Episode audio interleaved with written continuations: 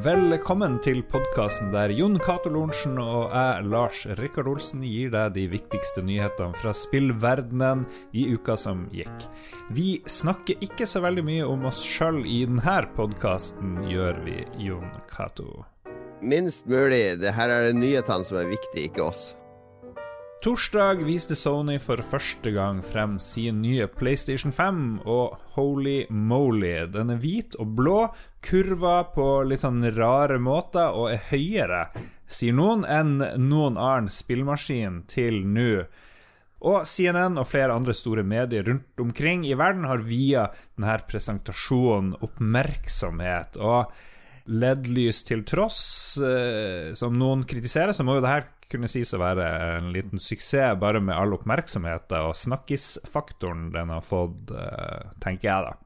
Ja, det spiller jo ikke noen rolle åssen du utseende du velger på maskin. Folk vil jo rase og juble for det uansett, eh, er mitt inntrykk. Men de har valgt et litt spesielt Det ser ut som en sånn der uh, retrofuturistisk uh, design. Uh, veldig bølgete. Skiller seg veldig ut fra den der svarte kjøleskapklumpen som den nye Xboxen er. Ja, jeg telte, og det var 26 spill i presentasjonen, og 25 av de, så vidt jeg kunne se, var PlayStation 5-titler. Det første de viste, var jo noe GTA 5-jorr. Så det var litt sånn rar måte å starte på, men så tok det seg veldig opp, og jeg må si den her Dubai-hotellstilen på, på utforminga av konsollen, den tiltalte meg. Jeg liker at de er litt annerledes og bare går litt ja, crazy. Det er mye selvtillit, ikke sant? Fordi folk sitter og snakker om at 'å, den passer ikke inn i stua mi', og sånne ting. Men det Sony sier med et sånt design, er at stua di får sørge for å tilpasse seg PlayStation 5, og ikke motsatt. Altså det, du må ha litt uh, guts for å velge et sånt design som som ikke bare skal skli anonymt inn i TV-benken. Jeg nevnte at CNN har, har, fortalt om det her, og vi ser rundt omkring i Norge så er det òg litt nettsteder som ikke skriver veldig mye om spill, som forteller om det her eh, presentasjonen. Og Fins det noen større spillnyheter egentlig enn en ny konsollpresentasjon? Det er vel det som er liksom bankers? Det er, eh, det er, da du har uh, virkelig får oppmerksomhet, og alle gir deg oppmerksomhet. Og I hvert fall når du viser designet på den nye konsollen eh, første gang. Fordi det trigger jo noe opp i fantasien vår. ikke sant? Det er det samme med disse Apple-showene og alle andre sånne tech-show. At når du får se ny teknologi som du ikke kan ta på og leke med sjøl, så blir det veldig attraktivt. Det er noe sånn her oppi hjernen din som bare får lyst til å å ha dette hjemme og ta på og teste og, og prøve. Vi fikk se veldig mange oppfølgere. Vi fikk se nytt Gran Turismo, ny Ratchet og Clank, nytt eh, Horizon-spill, Spiderman, Oddworld og Hitman og sikkert mye mer som jeg glemte av. Men så var det også noen nye ting som vi ikke har sett tidligere. Ja, jeg syns det var veldig fin som bredde. Det var alt mulig de viste. Fra barnevennlige spill til veldig kunstneriske spill til uh, sosialt bevisste spill. Altså, det var jo et spill der om homofile dinosaurer. Som det, ikke er, eh, det, det, er ikke, det er ikke dagligdags å vise i, i sånne gigantshow der du har hele verden Nei. sine øyne på seg. Så, så Sony har virkelig favna bredt. Eh, og så har jeg jo snakka med folk som ikke er sånn hardcore-gamere, men mange av våre venner, altså venner som syntes det var skikkelig dårlig utvalgsspill, fordi det var ingenting som appellerte ja. direkte til de. Altså, det var ikke noe uh, actionspill utover sånn ungdomsspill og Spiderman og sånne ting. Det var ikke Jeg vet ikke helt hva De er jo ganske kyniske, mange folk, men jeg, jeg ble Vi som sitter og følger med på spill og sånn, der tror jeg de fleste av oss ble ganske imponert over bredden. Og spesielt sammenligna med den litt labre Xbox-visninga som var i mai. Ja, Den her mainstream-faktoren var ganske lav. Det var, det var mm. føltes litt sånn indie oppi det hele. Og jeg vet ikke, jeg liker lik ja, Du har jo nylig ansatt uh, Greg Rice fra Double Fine. Uh, Greg Rice var han som var business developer på Double Fine, og også sto bak masse sånne indie-festivaler, altså Day of the Devs og, og andre festivaler der Double Fine Double Fine har vært en av de viktigste spillutviklerne i bransjen til å hjelpe indies opp og frem, og gi de plattformer å vise frem spillene sine på. Så det at Sony har ansatt uh, Greg Rice som liksom indie-ansvarlig i PlayStation, har nok påvirka hvordan dette showet har sett ut. For det var mye Annapurna og veldig nye og ukjente studioer av mm. sine spill som fikk oppmerksomhet. Det var bare ett sportsspill, eh, og det var jo egentlig veldig deilig. Det er jo sånn verden er i dag. Det er jo nesten ikke sport. Ja, nå har de begynt å spille fotball igjen, men, men at det var bare ett sportsspill eh, Det er jo da vi vanligvis har tissepause på E3. Det er jo når EA e eller de andre skal vise sportsspillene sine. Vi tok en prat med spillutvikler Jo Remi Madsen, som bl.a. har laga Owlboy, om hva han syns om den nye konsollen og presentasjonen fra Sony. Tja, vi har jo alltid gledet oss til nye generasjoner med konsoller, men um, vi lager jo pixel art-spill, da, så det skal sies at vi pusher jo ikke grensene til noen konsoller. Jeg vet ikke hvor mye du har sittet inn i Specs og sånt, men noen ting er det, blant annet at de skal ha sånn kjemperaske loadetider. Jeg vet ikke, er det, er det noe du har bitt deg merke til som, som kan hjelpe, hjelpe, dere som lager spill? Ja, veldig. Uh, det, er jo, det er jo snakk om å dra folk ut av spillopplevelsen med en gang du får en sånn svart skjerm som uh, viser loading. Um, da er liksom alt Hele illusjonen brutt litt, da. Vi sleit jo litt med det der med Alboy når vi skulle ha en scene som skulle være litt sånn emosjonell.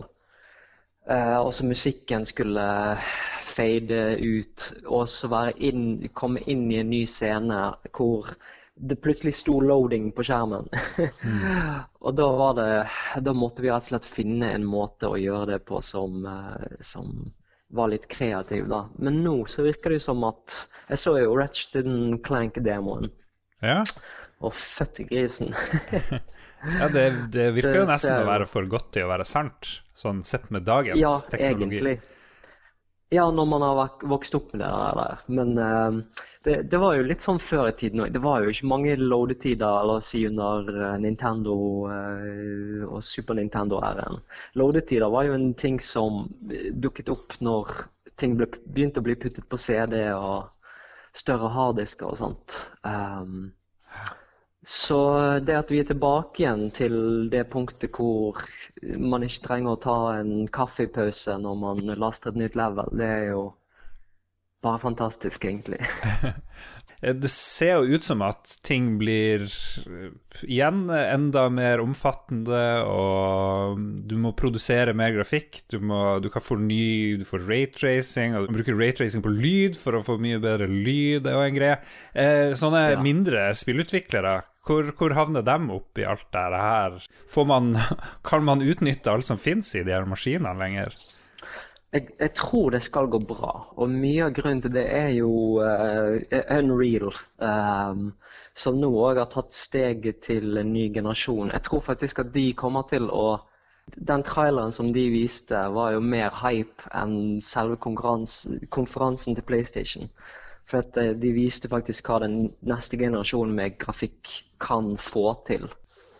Og det satt jo vi også og diskuterte med en gang vi hadde sett det. At uh, shit, vi kan, vi kan faktisk bruke så mange polygoner vi bare vil uten å måtte sitte og tenke på optimalisering. Og som, som spillutvikler så er jo det helt Ja, det er golden, for å si det sånn. Unreal har jo basically fått folk til å hoppe over fra Unity uh, bare ved å vise, fra, vise fram den traileren der.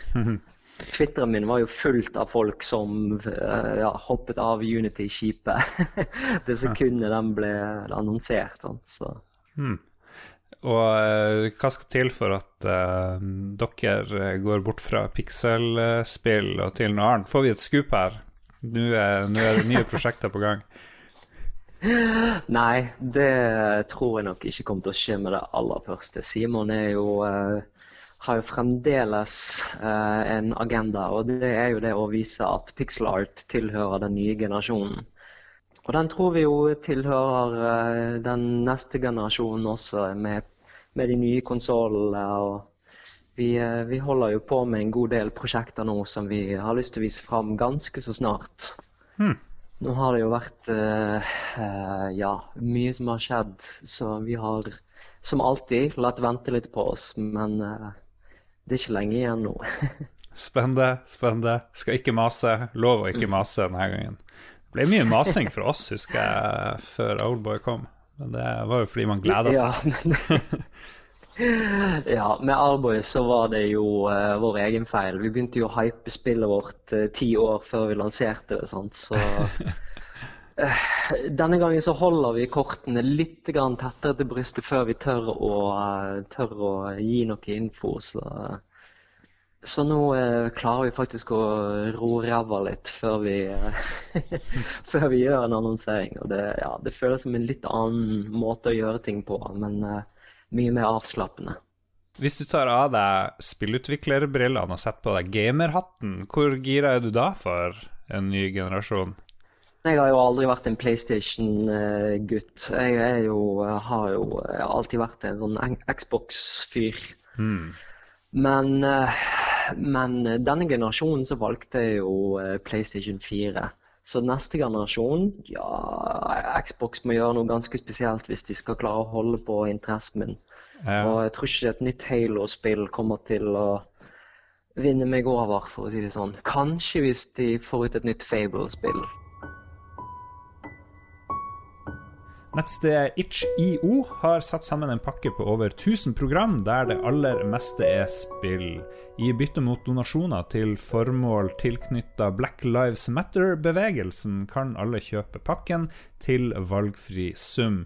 Og da jeg sist sjekka lørdag kveld, var det samla inn 6,1 millioner dollar, og det begynner jo å bli ganske heftig. Aksjonen slutter natt til tirsdag, og Jon Cato, har du donert for å få rundt 1000 program og hjelpe en god sak? Jeg, har kjøpt uh, pakken, men uh, jeg, kommer vel ikke til å laste ned mer enn et par av de spillene, tror jeg. Det her bundle-fenomenet har jeg lagt merke til er en, en spillgreie, eller finnes det andre bransjer som gjør det? Det er noe som heter Humble Bundle, som regelmessig samler veldig mye fine Eh, programvare og, og gir det nesten bort eh, gratis, eh, så lenge folk ja. bidrar litt til en god sak.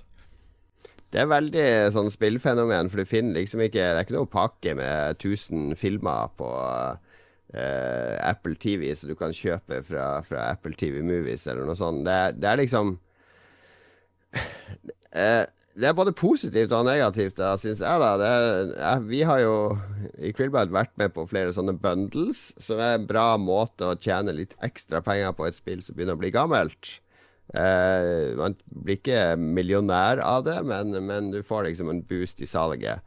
Og så er det noen negative sider ved det òg. Eh, mange av de nøklene mange Folk kjøper sånne pakker, ikke sant, og så skal de bare ha noen spill, og så går resten av nøklene, hvis det er Steam-nøkler, da, ut på, til salgs på G2A, så du lager et sånn derre marked for, for, spill der spillutviklere mm. egentlig ikke tjener noe penger på salget, men de tar De kannibaliserer salget av spillet. Ja, burde det, det kan jo komme lovverk som, som regulerer det her, da, tenker jeg. Ja, det jobbes med det, det mye, har vært mye motstand og drama rundt G2A, som er sånn salg av digitale nøkler. Mm. Så jeg er ikke så opptatt av det. Men som kulturkritiker, kulturopptatt, eh, opptatt av spillkultur, da så syns jeg jo at, at, disse pakkene er med å devaluere litt verdien av spill. Noe av det verste og beste, men, men, ganske ille som skjedde med spill, var jo når mobilspill kom, og gratisspill ble liksom et fenomen. Fordi da, oppi hodet på folk som spilte på mobiltelefon da, så var det en sånn der um, bryter som var slått på at spill skal være gratis. Altså, mm. eh, hvorfor skal jeg betale 9 kroner eller 17 kroner eller 35 kroner for et spill på mobiltelefonen min når det er tusenvis av spill jeg kan laste ned gratis?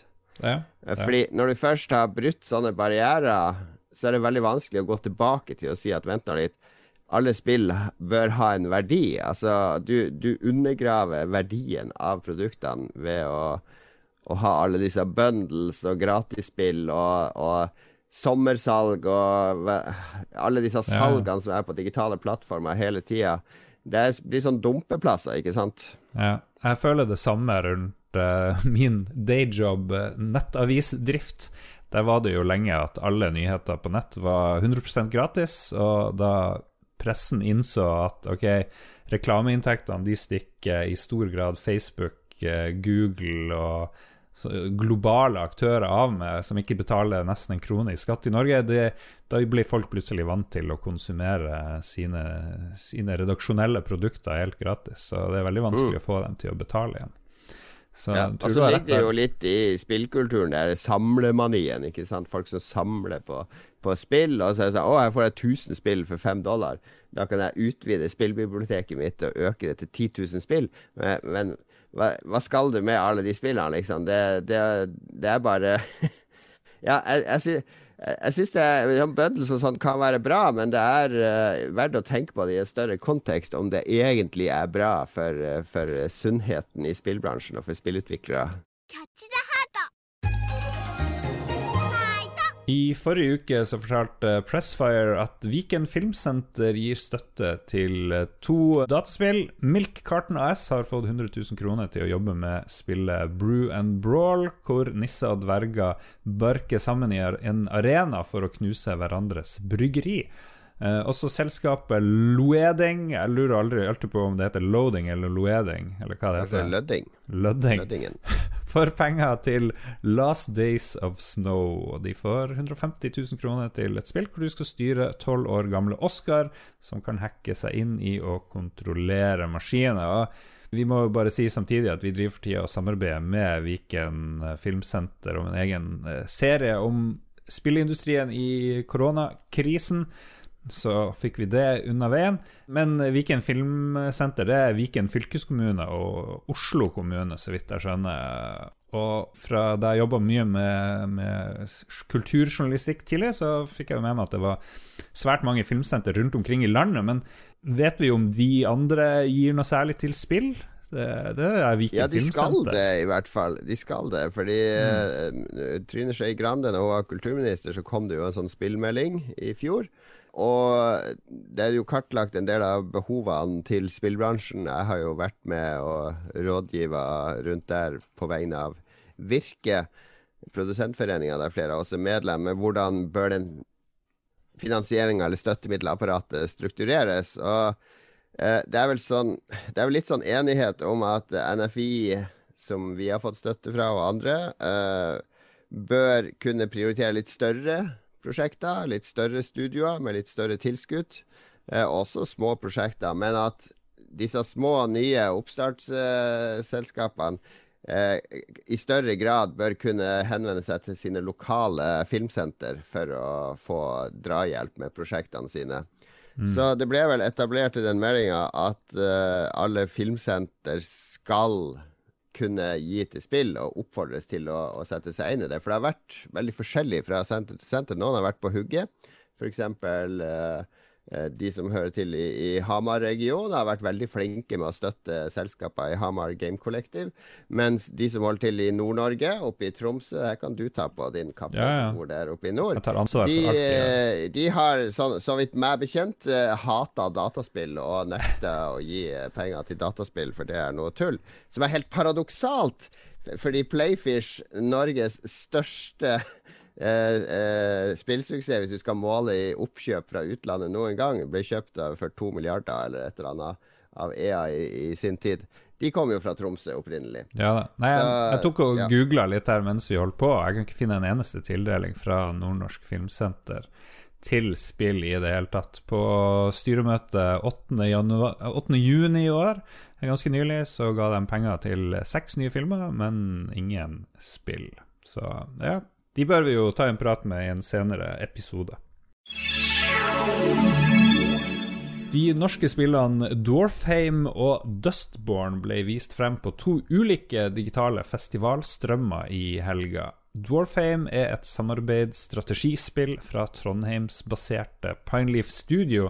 og Det ble vist frem på PC Gaming Show, samtidig som de slapp en demo på Steam. Red Thread Games, kjent for uh, Drømmefall-kapitler, debuterte den første traileren til sitt eventyrspill Dustborn.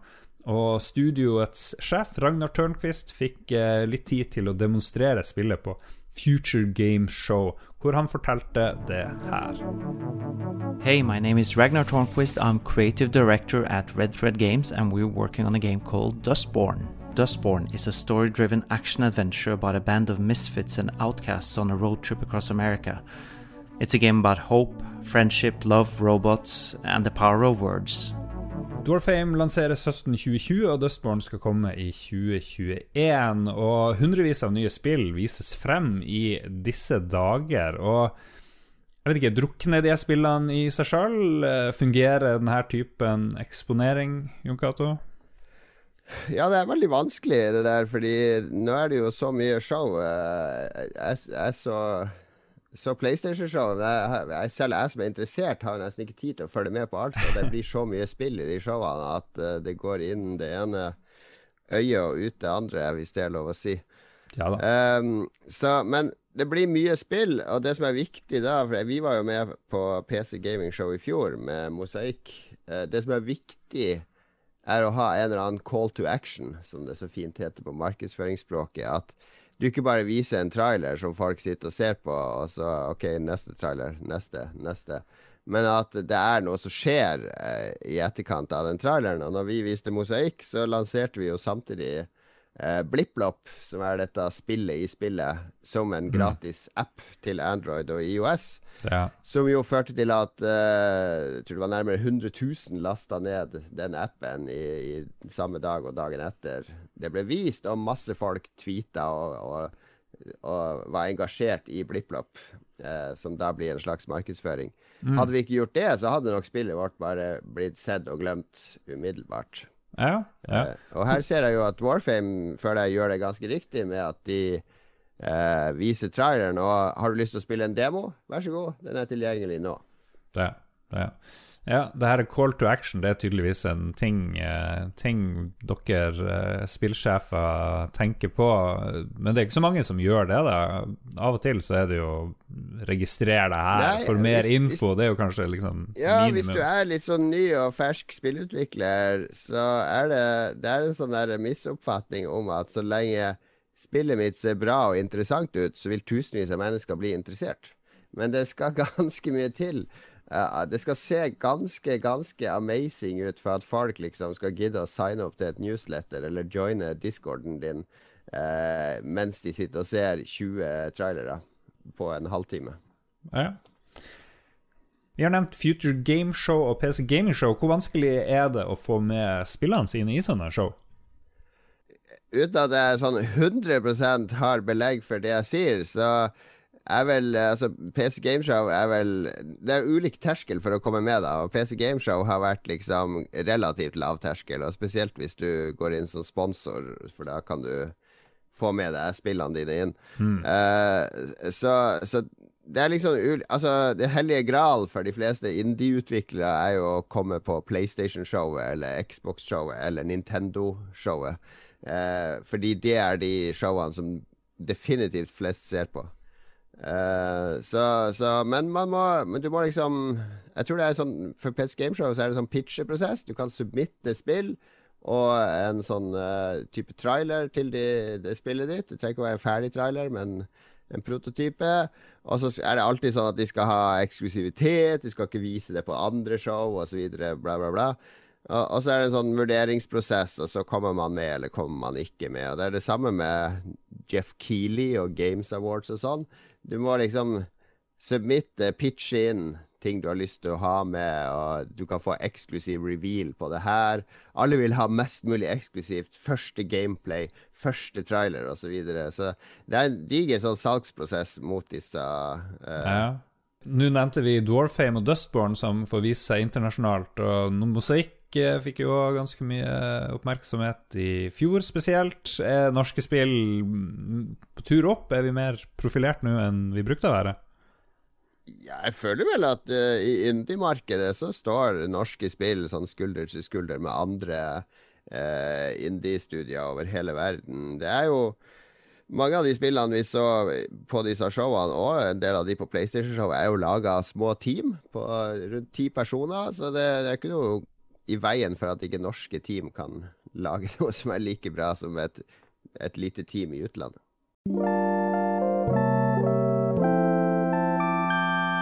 Hver episode av Spillrevyen så ser vi på det som kom uh, ut av uh, games uh, forrige uke.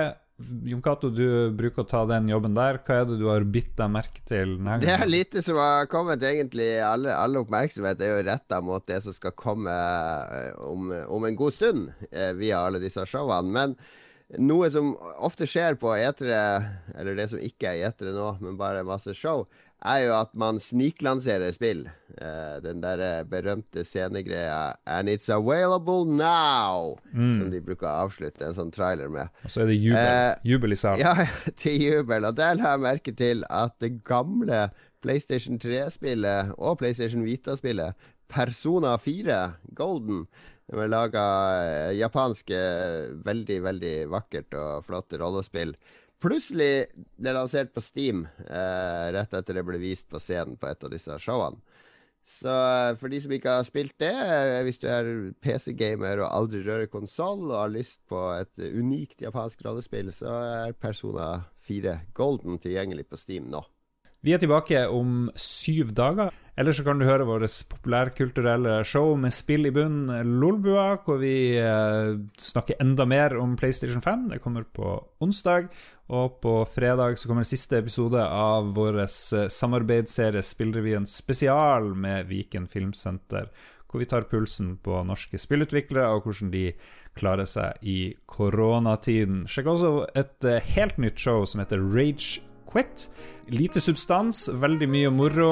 Eh, de prøver å fokusere på spill. Jeg vet ikke helt hvordan, om de klarer det, men der er det vår venn Ståle Balvinsson som leder. Christian Tjessem og Dag Thomas. Et nordlendingsfritt ja. Nordlendingsfri podkast. endelig, endelig. Takk for oss. Har du noen gode råd til våre lyttere frem til neste gang? Mitt råd er begynn allerede i dag å finne tapet og TV-benk og sånne ting som kan passe til PlayStation 5, sånn at den glir naturlig inn i stua di.